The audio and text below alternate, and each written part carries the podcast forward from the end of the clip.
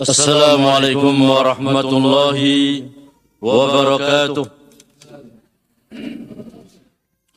إن الحمد لله نحمده ونستعينه ونستغفره ونتوب إليه. ونعوذ بالله من شرور أنفسنا ومن سيئات أعمالنا.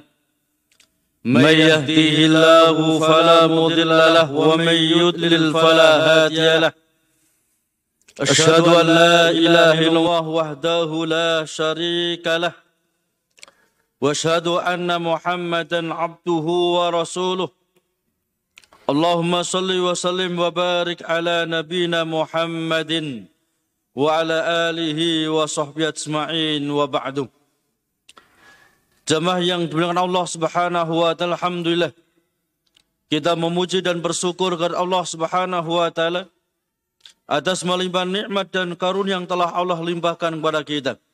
Salawat dan salam semoga tetap tercurahkan berjunjungan Nabi kita Muhammad sallallahu alaihi wasallam kepada keluarga beliau, para sahabat beliau dan umat yang senantiasa istiqamah di dalam menempuh jejak beliau yaumil qiyamah.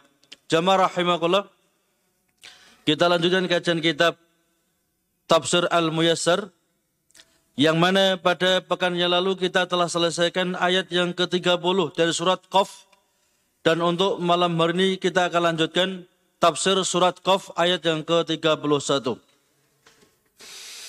A'udzu billahi minasy syaithanir rajim.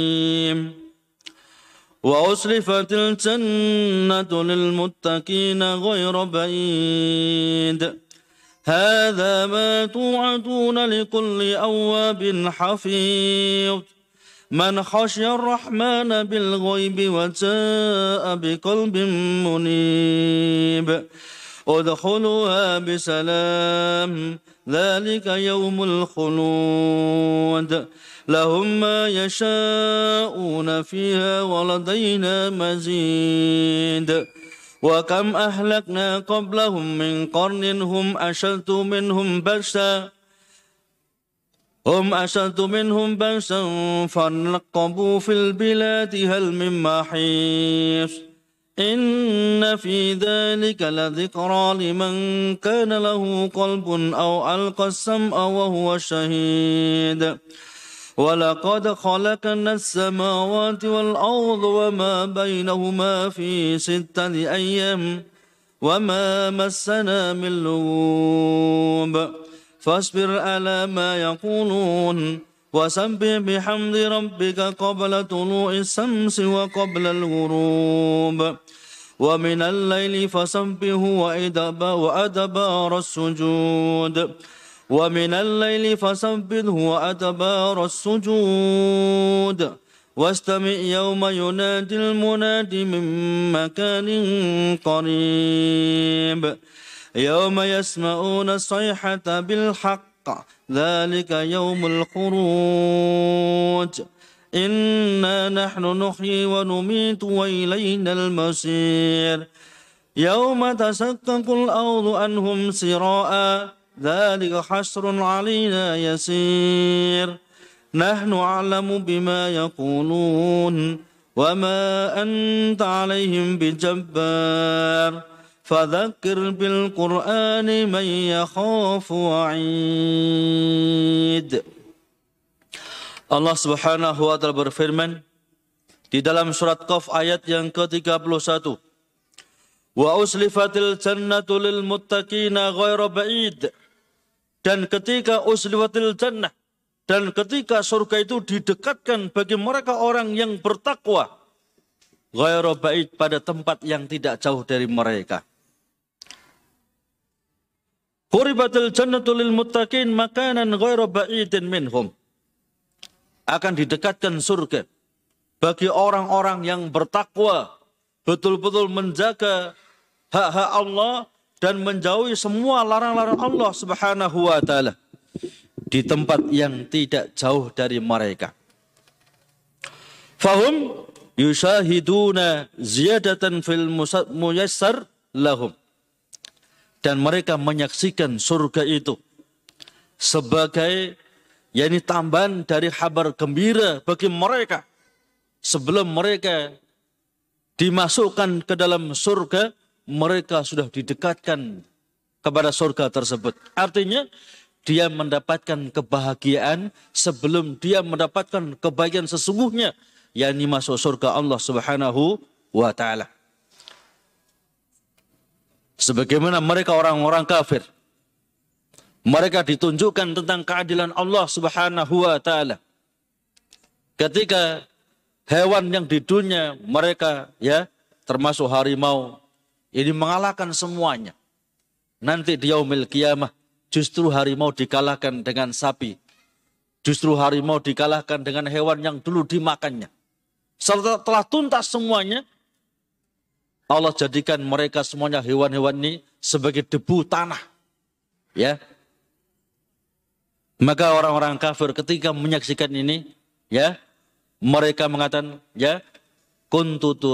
Andi saja aku hanya seonggok tanah seperti mereka. Alangkah nikmatnya. Gak ada jaya, gak ada balasan, gak ada siksaan dari Allah Subhanahu wa taala. Ya. Kemudian Hadza ma tu'aduna likulli awabin hafid. Hadza ma tu'adun. Dikatakan kepada mereka, orang-orang yang bertakwa. Hadza ma tu'adun. Ini surga. Kenikmatan yang dijanjikan oleh Allah atas kalian likulli awabin hafid yakni bagi orang-orang yang senantiasa awab senantiasa bertobat ya senantiasa bertobat hafid sekaligus menjaga hukum-hukum Allah Subhanahu wa taala yuqalu li haula'il mu'minin maka dikatakan pada mereka orang-orang mukminin, "Hadzalladzi kuntum tu'aduna bihi ayyuhal muttaqun." Inilah surga dan kenikmatan yang ada di dalamnya semuanya yang telah Allah janjikan bagi kalian sebelumnya. Allah Subhanahu wa taala berfirman dalam surat Saffat ayat ke-30, "Innal ladzina qalu rabbuna Allah, tsumma istaqamu tatanazzalu alaihimul malaikatu alla takhafu wa la tahzanu wabsiru bil jannati allati kuntum tu'adun. Sesungguhnya orang-orang yang mengatakan Rabbku hanya Allah, sesembahanku hanya Allah dan dia istiqomah dalam ucapannya. U, yani Rabbku hanya Allah, sesembahanku hanya Allah. Dia nggak kenal jimat, nggak kenal sikap, nggak kenal sesaji ataupun tumbal dan sebagainya. Bentuk-bentuk kesyirikan yang lainnya. Maka ketika sakartul maut, kematian menjemputnya, zalu alaihimul malaikah Allah takhafu wa la tahzanu. Maka ketika kematian mendekatinya, hendak ya dia dekat dengan kematiannya, turunlah malaikat-malaikat Allah memberikan kabar gembira Allah takhafu wa la tahzanu. Janganlah engkau takut. Janganlah engkau takut meninggalkan dunia karena dengan meninggalkan dunia engkau akan berpindah ke tempat yang jauh lebih mulia dibanding dunia. Yani kenikmatan Allah subhanahu wa ta'ala. Dan jangan pula susah bersedih. Meninggalkan hartamu, anakmu, istrimu, keluargamu. Karena semuanya akan dijaga oleh Allah subhanahu wa ta'ala. Ternyata kesolehan kita, amal ibadah kita, efeknya juga untuk harta kita, untuk keluarga kita, bahkan untuk keturunan kita. Wabsiru bil jannati allati kuntum tu'adun. Dan berbahagialah kamu dengan surga yang telah dijanjikan oleh Allah bagimu.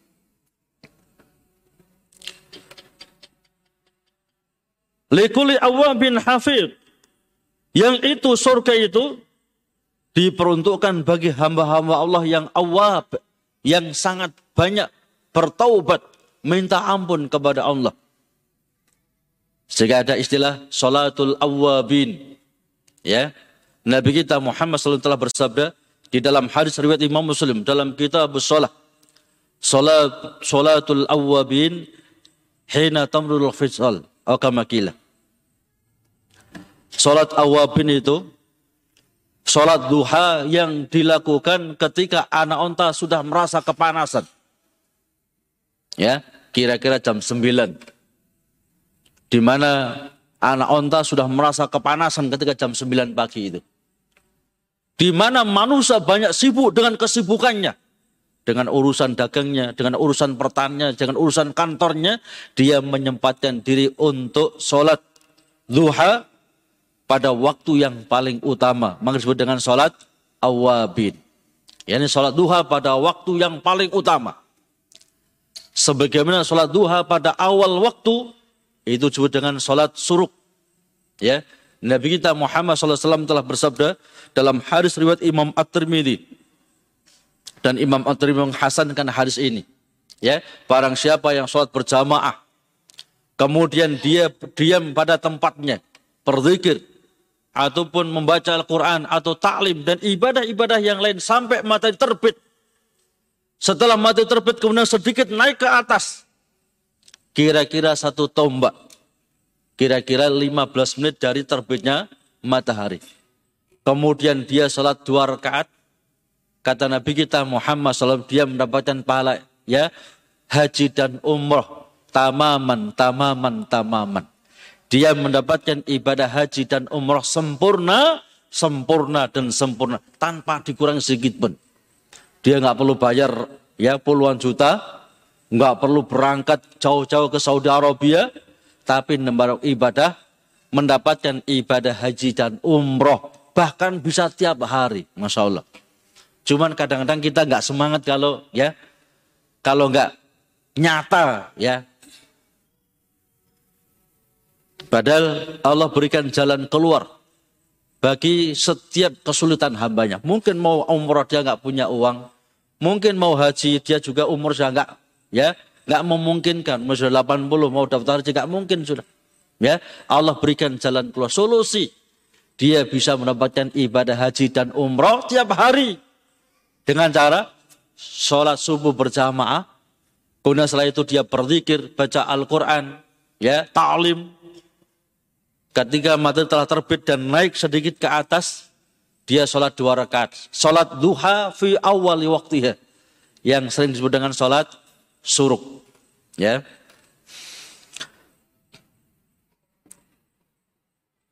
Likuli awabin hafid. Sekaligus menjaga menjaga hak-hak Allah, menjaga dari hak-hak Allah, mentauhidkan Allah, ibadah sholat lima waktu, dan hak-hak yang lain, termasuk menjaga dalam ketaatan kepada Allah Subhanahu wa taala. Dan ketaatan kewajiban yang paling diwajibkan oleh Allah kepada hambanya adalah masalah tauhid, menyembah hanya kepada Allah Subhanahu wa taala. Kemudian ibadah yang Allah wajibkan. Disebutkan dalam hadis qudsi riwayat Imam Al-Bukhari. Allah berfirman dalam hadis qudsi, "Wa ma taqarraba ilayya 'abdi ahabba ilayya mimma aftaratu alaihi." Tidaklah hambaku mendekatkan diri kepadaku dengan suatu ibadah yang paling aku cintai kecuali ibadah yang telah aku wajibkan kepadanya. Jadi wajib dipraktekkan baru sunnah. Kadang-kadang terbalik, sunnahnya hebat, wajibnya enggak. Contoh, sholat tarawih enggak pernah lowong. Ya, Tapi sholat fardunya enggak dilakukan. Atau mungkin ya bolong-bolong. Atau mungkin dia puasa tapi sholat tidak. Ini ya, ini salah. Jadi yang paling dicintai oleh Allah Seorang hamba itu mendekatkan diri kepada Allah dengan ibadah yang diwajibkan Allah kepadanya. Ya, kemudian baru sunnah. Demikian. Man khasyar rahmana bil ghaib. Yani barang siapa yang takut kepada Allah yang marahman bil ghaib. Pada mereka tidak bisa melihat Allah. Kita kan nggak bisa melihat Allah itu. Cuman orang yang beriman dan bertakwa takut kepada Allah walaupun kita tidak bisa melihat Allah. Wajah biqalbim munib. Dan mereka datang menghadap Allah dengan hati yang senantiasa bertaubat kepada Allah. Man khafallaha fit dunya laqiyahu yaumal qiyamah biqalbin ta'ib min dunubihi. Orang yang takut berau di dunia ya, sehingga dia tidak mau menipu karena takut pada Allah. Ya. Dan perbuatan-perbuatan yang dilarang pula oleh Allah maka nanti di yaumil kiamah akan menghadap Allah ya dalam keadaan dia dirahmati oleh Allah karena dia menghadap Allah dengan hati yang taib, hati yang bertaubat ya dari dosa-dosanya. Nabi kita Muhammad SAW telah bersabda di dalam hadis riwayat Imam Al Bukhari dalam kitab Da'wat. Nabi telah bersabda, Wallahi inni la astaghfirullah wa atubu fil yaum aksara min sab'ina marratan. Demi Allah, aku ini istighfar minta ampun kepada Allah dan bertobat kepada Allah dalam sehari semalam tidak pernah kurang dari 70 kali. Nabi kita Muhammad SAW, seorang nabi dan rasul Sayyidul Anbiya wal Mursalin. Beliau istighfar, minta ampun, bertobat kepada Allah dalam sehari semalam tidak kurang dari 70 kali. Lah kita kan banyak ya, bukan nabi, bukan rasul, ponakan nabi pun juga tidak. Ya, kadang-kadang kita ini merasa aman dari dari dosa. Ya, dan manusia mesti banyak berbuat dosa. Cuman mestinya kita harus banyak istighfar, bertobat setelah kita melakukan perbuatan dosa. Ittaqilah haitsuma kunta wa bi sayyi'atal hasanata tamhuha wa khaliqin nas bi khuluqin hasan kata Nabi kita Muhammad SAW. Ya, takutlah kepada Allah di di mana pun engkau berada. Ikuti perbuatan buruk dengan yani perbuatan yang baik. Maka itu akan menghapus keburukan yang ada. Pergauli manusia dengan pergaulan sebaik-baiknya. Wa kam ahlakna qabla min qarnin. Sudah berapa banyak yang kami binasakan dari suatu kaum. Hum asadtu minhum batsan. Padahal mereka jauh lebih kuat kekuatan mereka. Melebihi mereka kaum yang sekarang ini. Fanaqabu fil bilad. Yang mana mereka yakni menjelajahi beberapa negara. Ya, kaum yang begitu kuat itu mereka menjelajahi beberapa negara. Hal memahis Apakah mereka bisa lari ketika Allah turunkan azabnya? Kaum yang begitu kuatnya mereka menempuh ya perjalanan dari berbagai negeri ditempuh semuanya. Tapi ketika azab Allah didatangkan kepada mereka, apakah mereka bisa lari itu? Ya. Wahlakna qabla haulal musyrikin min Quraisyin umaman kasiratan. Dan sungguh telah kami binasakan sebelum mereka orang-orang musyrik Quraisy umat-umat yang sangat banyak. Kan wasatu minhum kuwatan wasutwatan. Yang mana mereka jauh lebih kuat, jauh lebih perkasa daripada orang kafir Quraisy. Fatawafu fil bilad. Mereka berjalan menempuh dari dengan beberapa negeri. Ya. Jadi negeri mana dijelajahi semuanya. Menunjukkan kehebatan mereka. Karena zaman dulu siapa yang kuat itu yang menang, yang berkuasa, ya kan? Orang-orang Mongol misalnya, itu berkuasa dulu waktu itu menjadi negara adik kuasa, menguasai mana-mana, ya, menguasai termasuk ya pernah ke negeri kita Indo, Indonesia ini orang Mongol, ya. Mereka menyeberang, menempuh, melewati berbagai negeri. wasalaku kulla tariqin lil halak. Tapi ketika Allah turunkan ya Allah turunkan azabnya Allah turunkan siksanya mereka melarikan dari dari berbagai macam arah talaban lil harabi minal halak mereka berusaha untuk melarikan diri dari kebinasaan dari hukuman Allah Hal min mahrabin min adzabillah hina. Apa mereka bisa lolos itu? Ya. Kaum-kaum yang kuat itu, kaum Ad, kaum Samud yang begitu kuatnya mereka.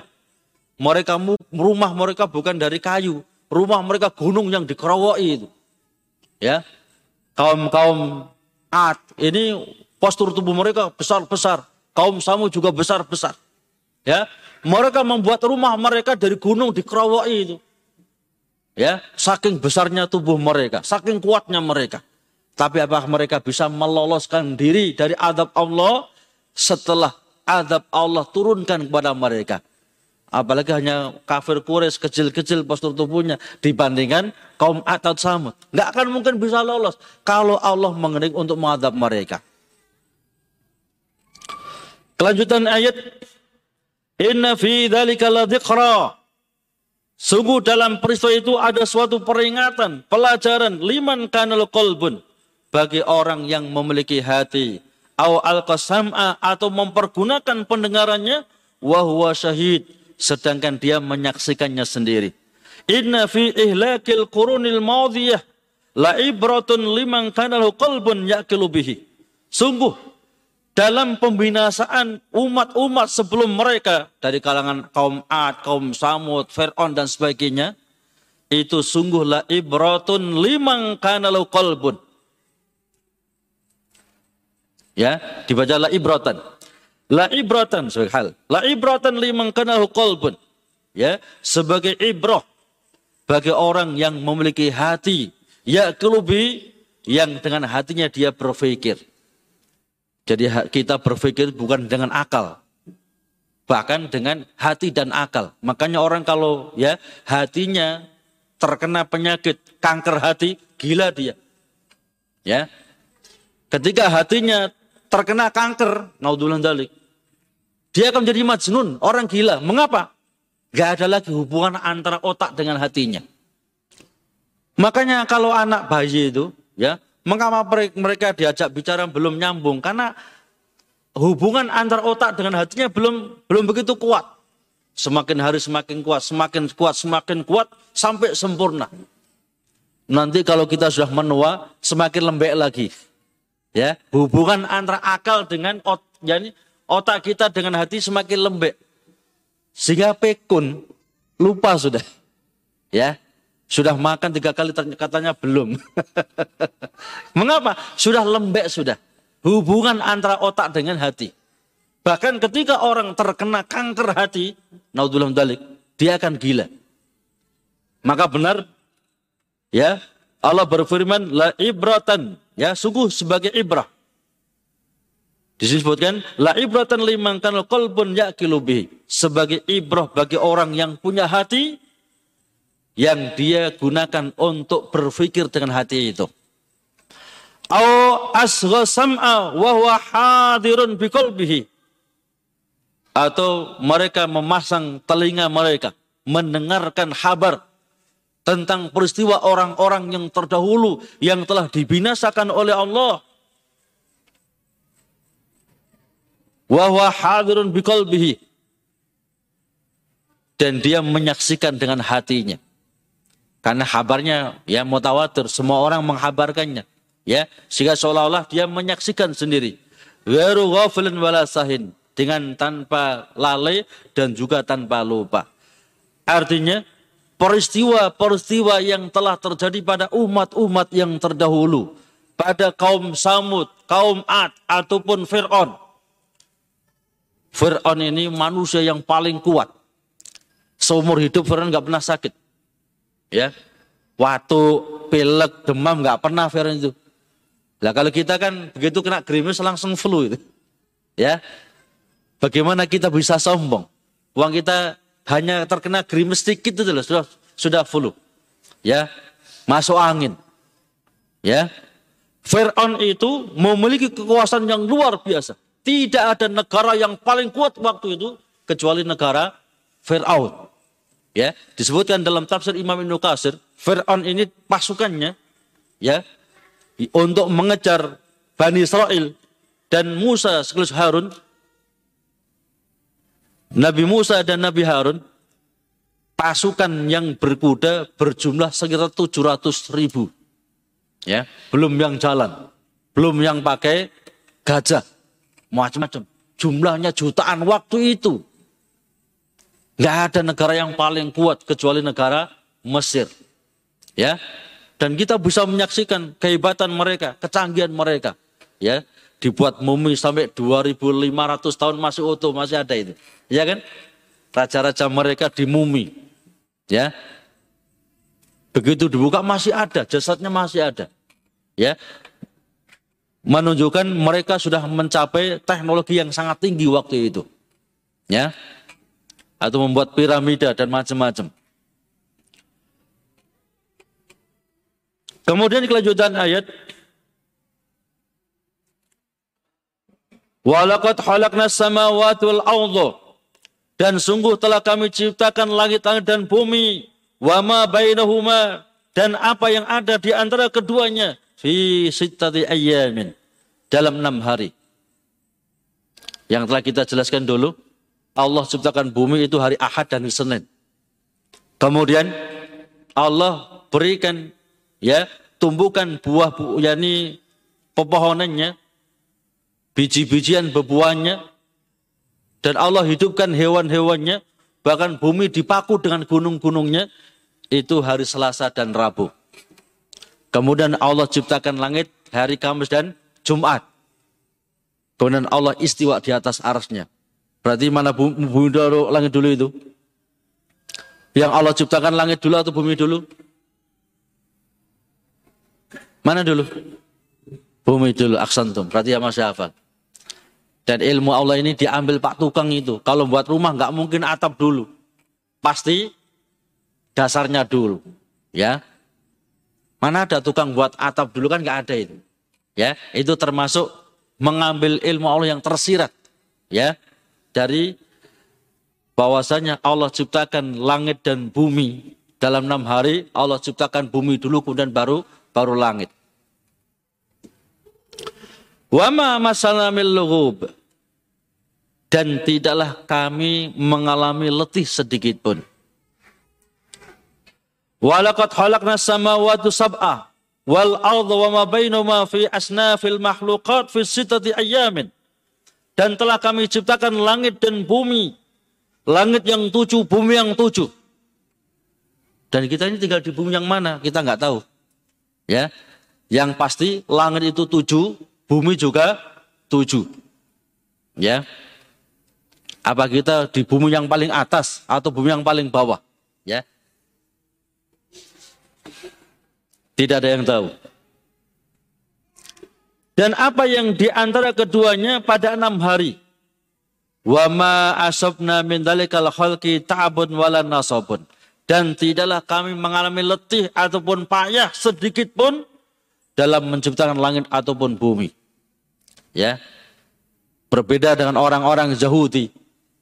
Mereka mengatakan Allah ciptakan langit dan bumi dalam enam hari dan Allah kelelahan pada ketika hari yang ketujuh. Ya, Allah ciptakan hari yakni langit dan bumi hari Ahad, Senin, Selasa, Rabu, Kamis, Jumat. Hari Sabtu Allah kelelahan. Maka kami pilih hari Sabtu untuk sebagai waktu ibadah. Ya, sehingga kalau nggak khusyuk, nggak tumannya Allah nggak nggak ngereken sudah kelelahan. Ini keyakinan orang-orang Zahudi. Ya. Yang lancang pada Allah. Padahal Allah firmankan, "Wama masana mil dan kami nggak merasa letih sedikit pun.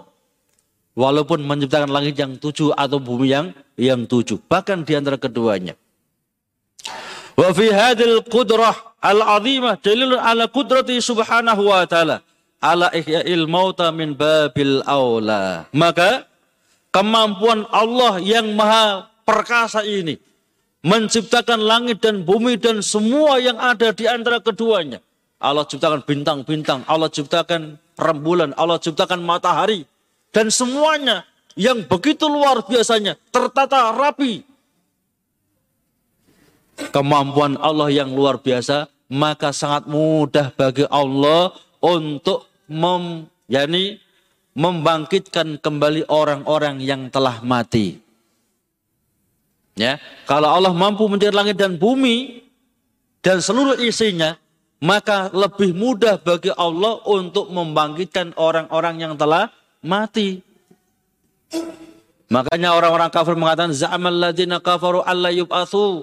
Ya, mereka orang-orang kafir mengatakan kami nggak mungkin dibangkitkan oleh Allah. Kalau kami sudah mati menjadi tulang, menjadi tanah, menjadi debu, nggak mungkin Allah sanggup untuk membangkitkan kami. Ya, padahal Allah mampu membuat langit yang tujuh, membuat bumi yang tujuh dan semua yang ada di antaranya. Maka untuk membangkitkan manusia itu jauh lebih mudah bagi Allah Subhanahu wa taala.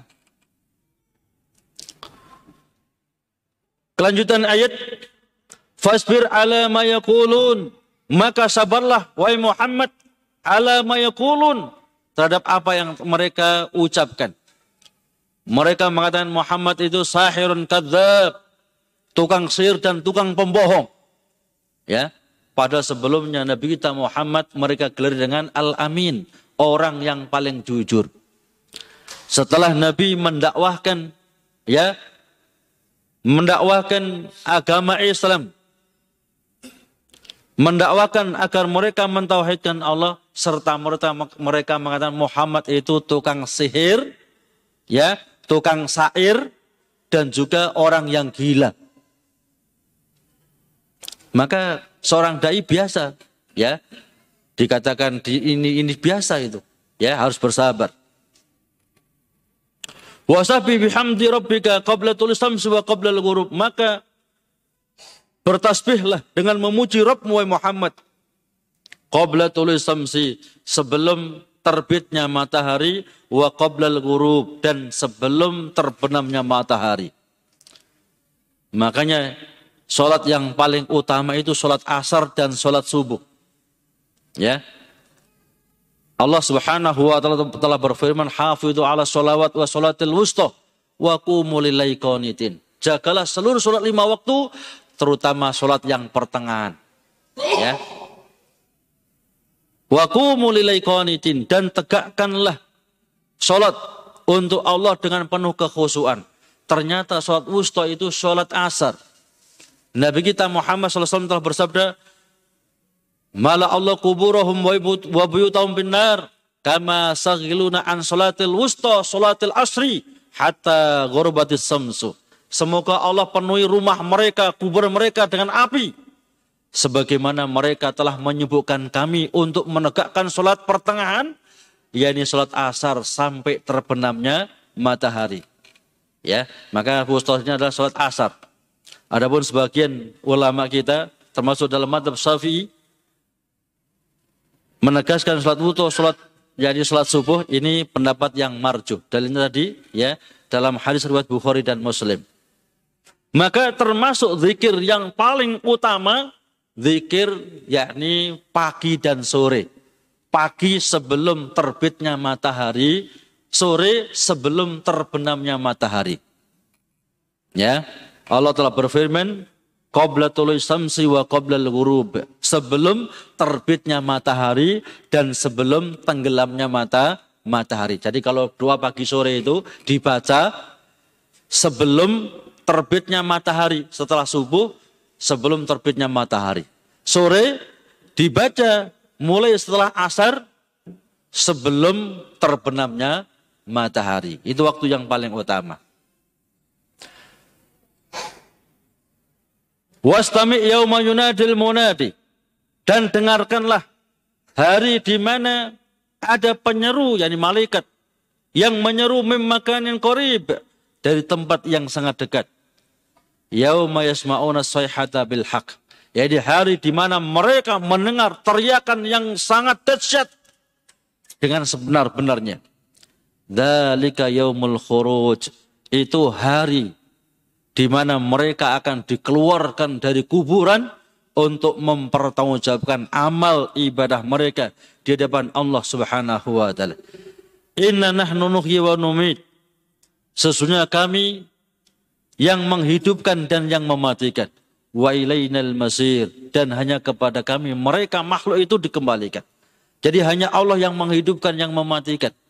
Ya, tidak akan mungkin mati seseorang kecuali telah dikehendaki oleh Allah. Ya. Dan hanya kepada Allah dikembalikan. Artinya sebelum kita dikembalikan oleh Allah, sebelum mempertanggungjawabkan amal perbuatan kita, hendaklah kita mempersiapkan diri. Maka benar kata Umar Ibn Al-Khattab, hasibu qabla an tuhasabu. Hisab diri kamu sebelum engkau dihisab oleh Allah Subhanahu wa taala. Yauma tasakkakul ardu anhum sira'a. Hari di mana bumi itu terbelah. Anhum sira'a. Maka mereka akan keluar dari bumi dengan begitu cepatnya. Jadi ketika ditiup sangkakala yang kedua, maka bumi terbelah. Ya, kemudian mereka keluar dari dalam bumi, dari kuburan dengan begitu cepat. Dzalika khasrun alina yasir. itulah hari hasrun. Hari mereka dikumpulkan oleh Allah untuk mempertanggungjawabkan amal perbuatan mereka alaina yasir. Dan itu sangat mudah bagi kami.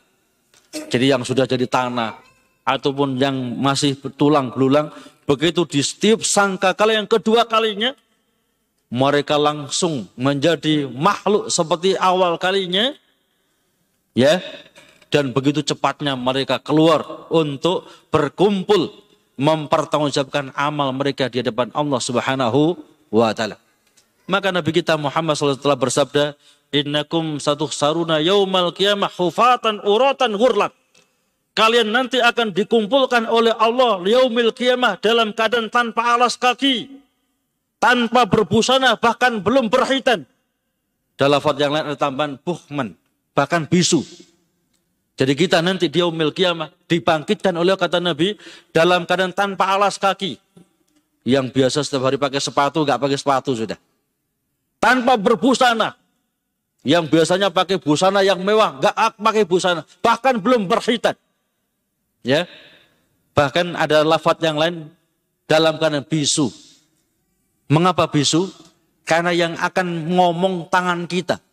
Ya Allah, saya demikian, demikian, demikian. Karena kalau lesan yang ngomong, pinter ngomong lesan itu. Ya, orang salah bisa benar dengan sebab lesannya. Orang salah ya bisa benar atau sebenarnya orang benar bisa salah karena nggak pintar ngomong. Ya. Apa itu pengacara itu? Ya. Siapa yang bayar walaupun salah dibuat bisa benar. Ya kan? Karena pintar ngomong dia. Dan latihan itu. Ya. Kalau gini ngomong gini, kalau gini ngomong gini. Pintar dia. Orang yang benar karena nggak bisa ngomong. Jadi kalah dia, jadi salah. Ya.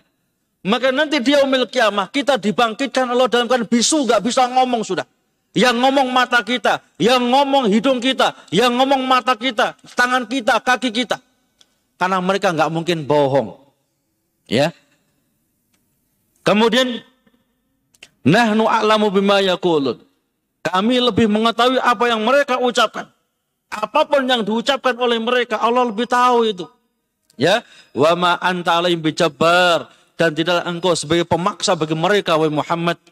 Fadzakir bil Qur'ani may yakhafu maka berikan peringatan dengan Al-Qur'an. Jadi memberikan peringatan dengan Al-Qur'an bukan cerita-cerita ngawur ya. Kancil nyolong timun bukan gitu. Ya kasih peringatan itu dengan Al-Qur'an dengan hadis Nabi kita Muhammad SAW. Maka kalau kita memberikan nasihat kepada anak-anak kita, Jangan kasih cerita-cerita yang fiktif. Ya. Kancil nyolong timun, ya, atau yang mana itu nggak benar itu. Kita mau ya membohongi mereka. Sehingga mereka akan biasa berbuat bohong karena ajaran kita yang bohong itu. Ya. Jadi kalau kita memberikan peringatan kepada anak kita, keluarga kita, umat beri peringatan dengan Al-Quran dan hadis Nabi kita Muhammad SAW maka akan bisa mengambil faidah bagi orang-orang yang betul takut pada Allah Subhanahu wa taala. Pas ya, pas selesai surat Qaf. Jadi insya Allah untuk pekan depan kita akan lanjutkan surat Adz-Dzariyat. Bismillah. Kita tutup dengan dua kafaratul majlis. Subhanallah, asyhadu an la ilaha illa anta astaghfiruka wa atubu Assalamualaikum warahmatullahi wabarakatuh.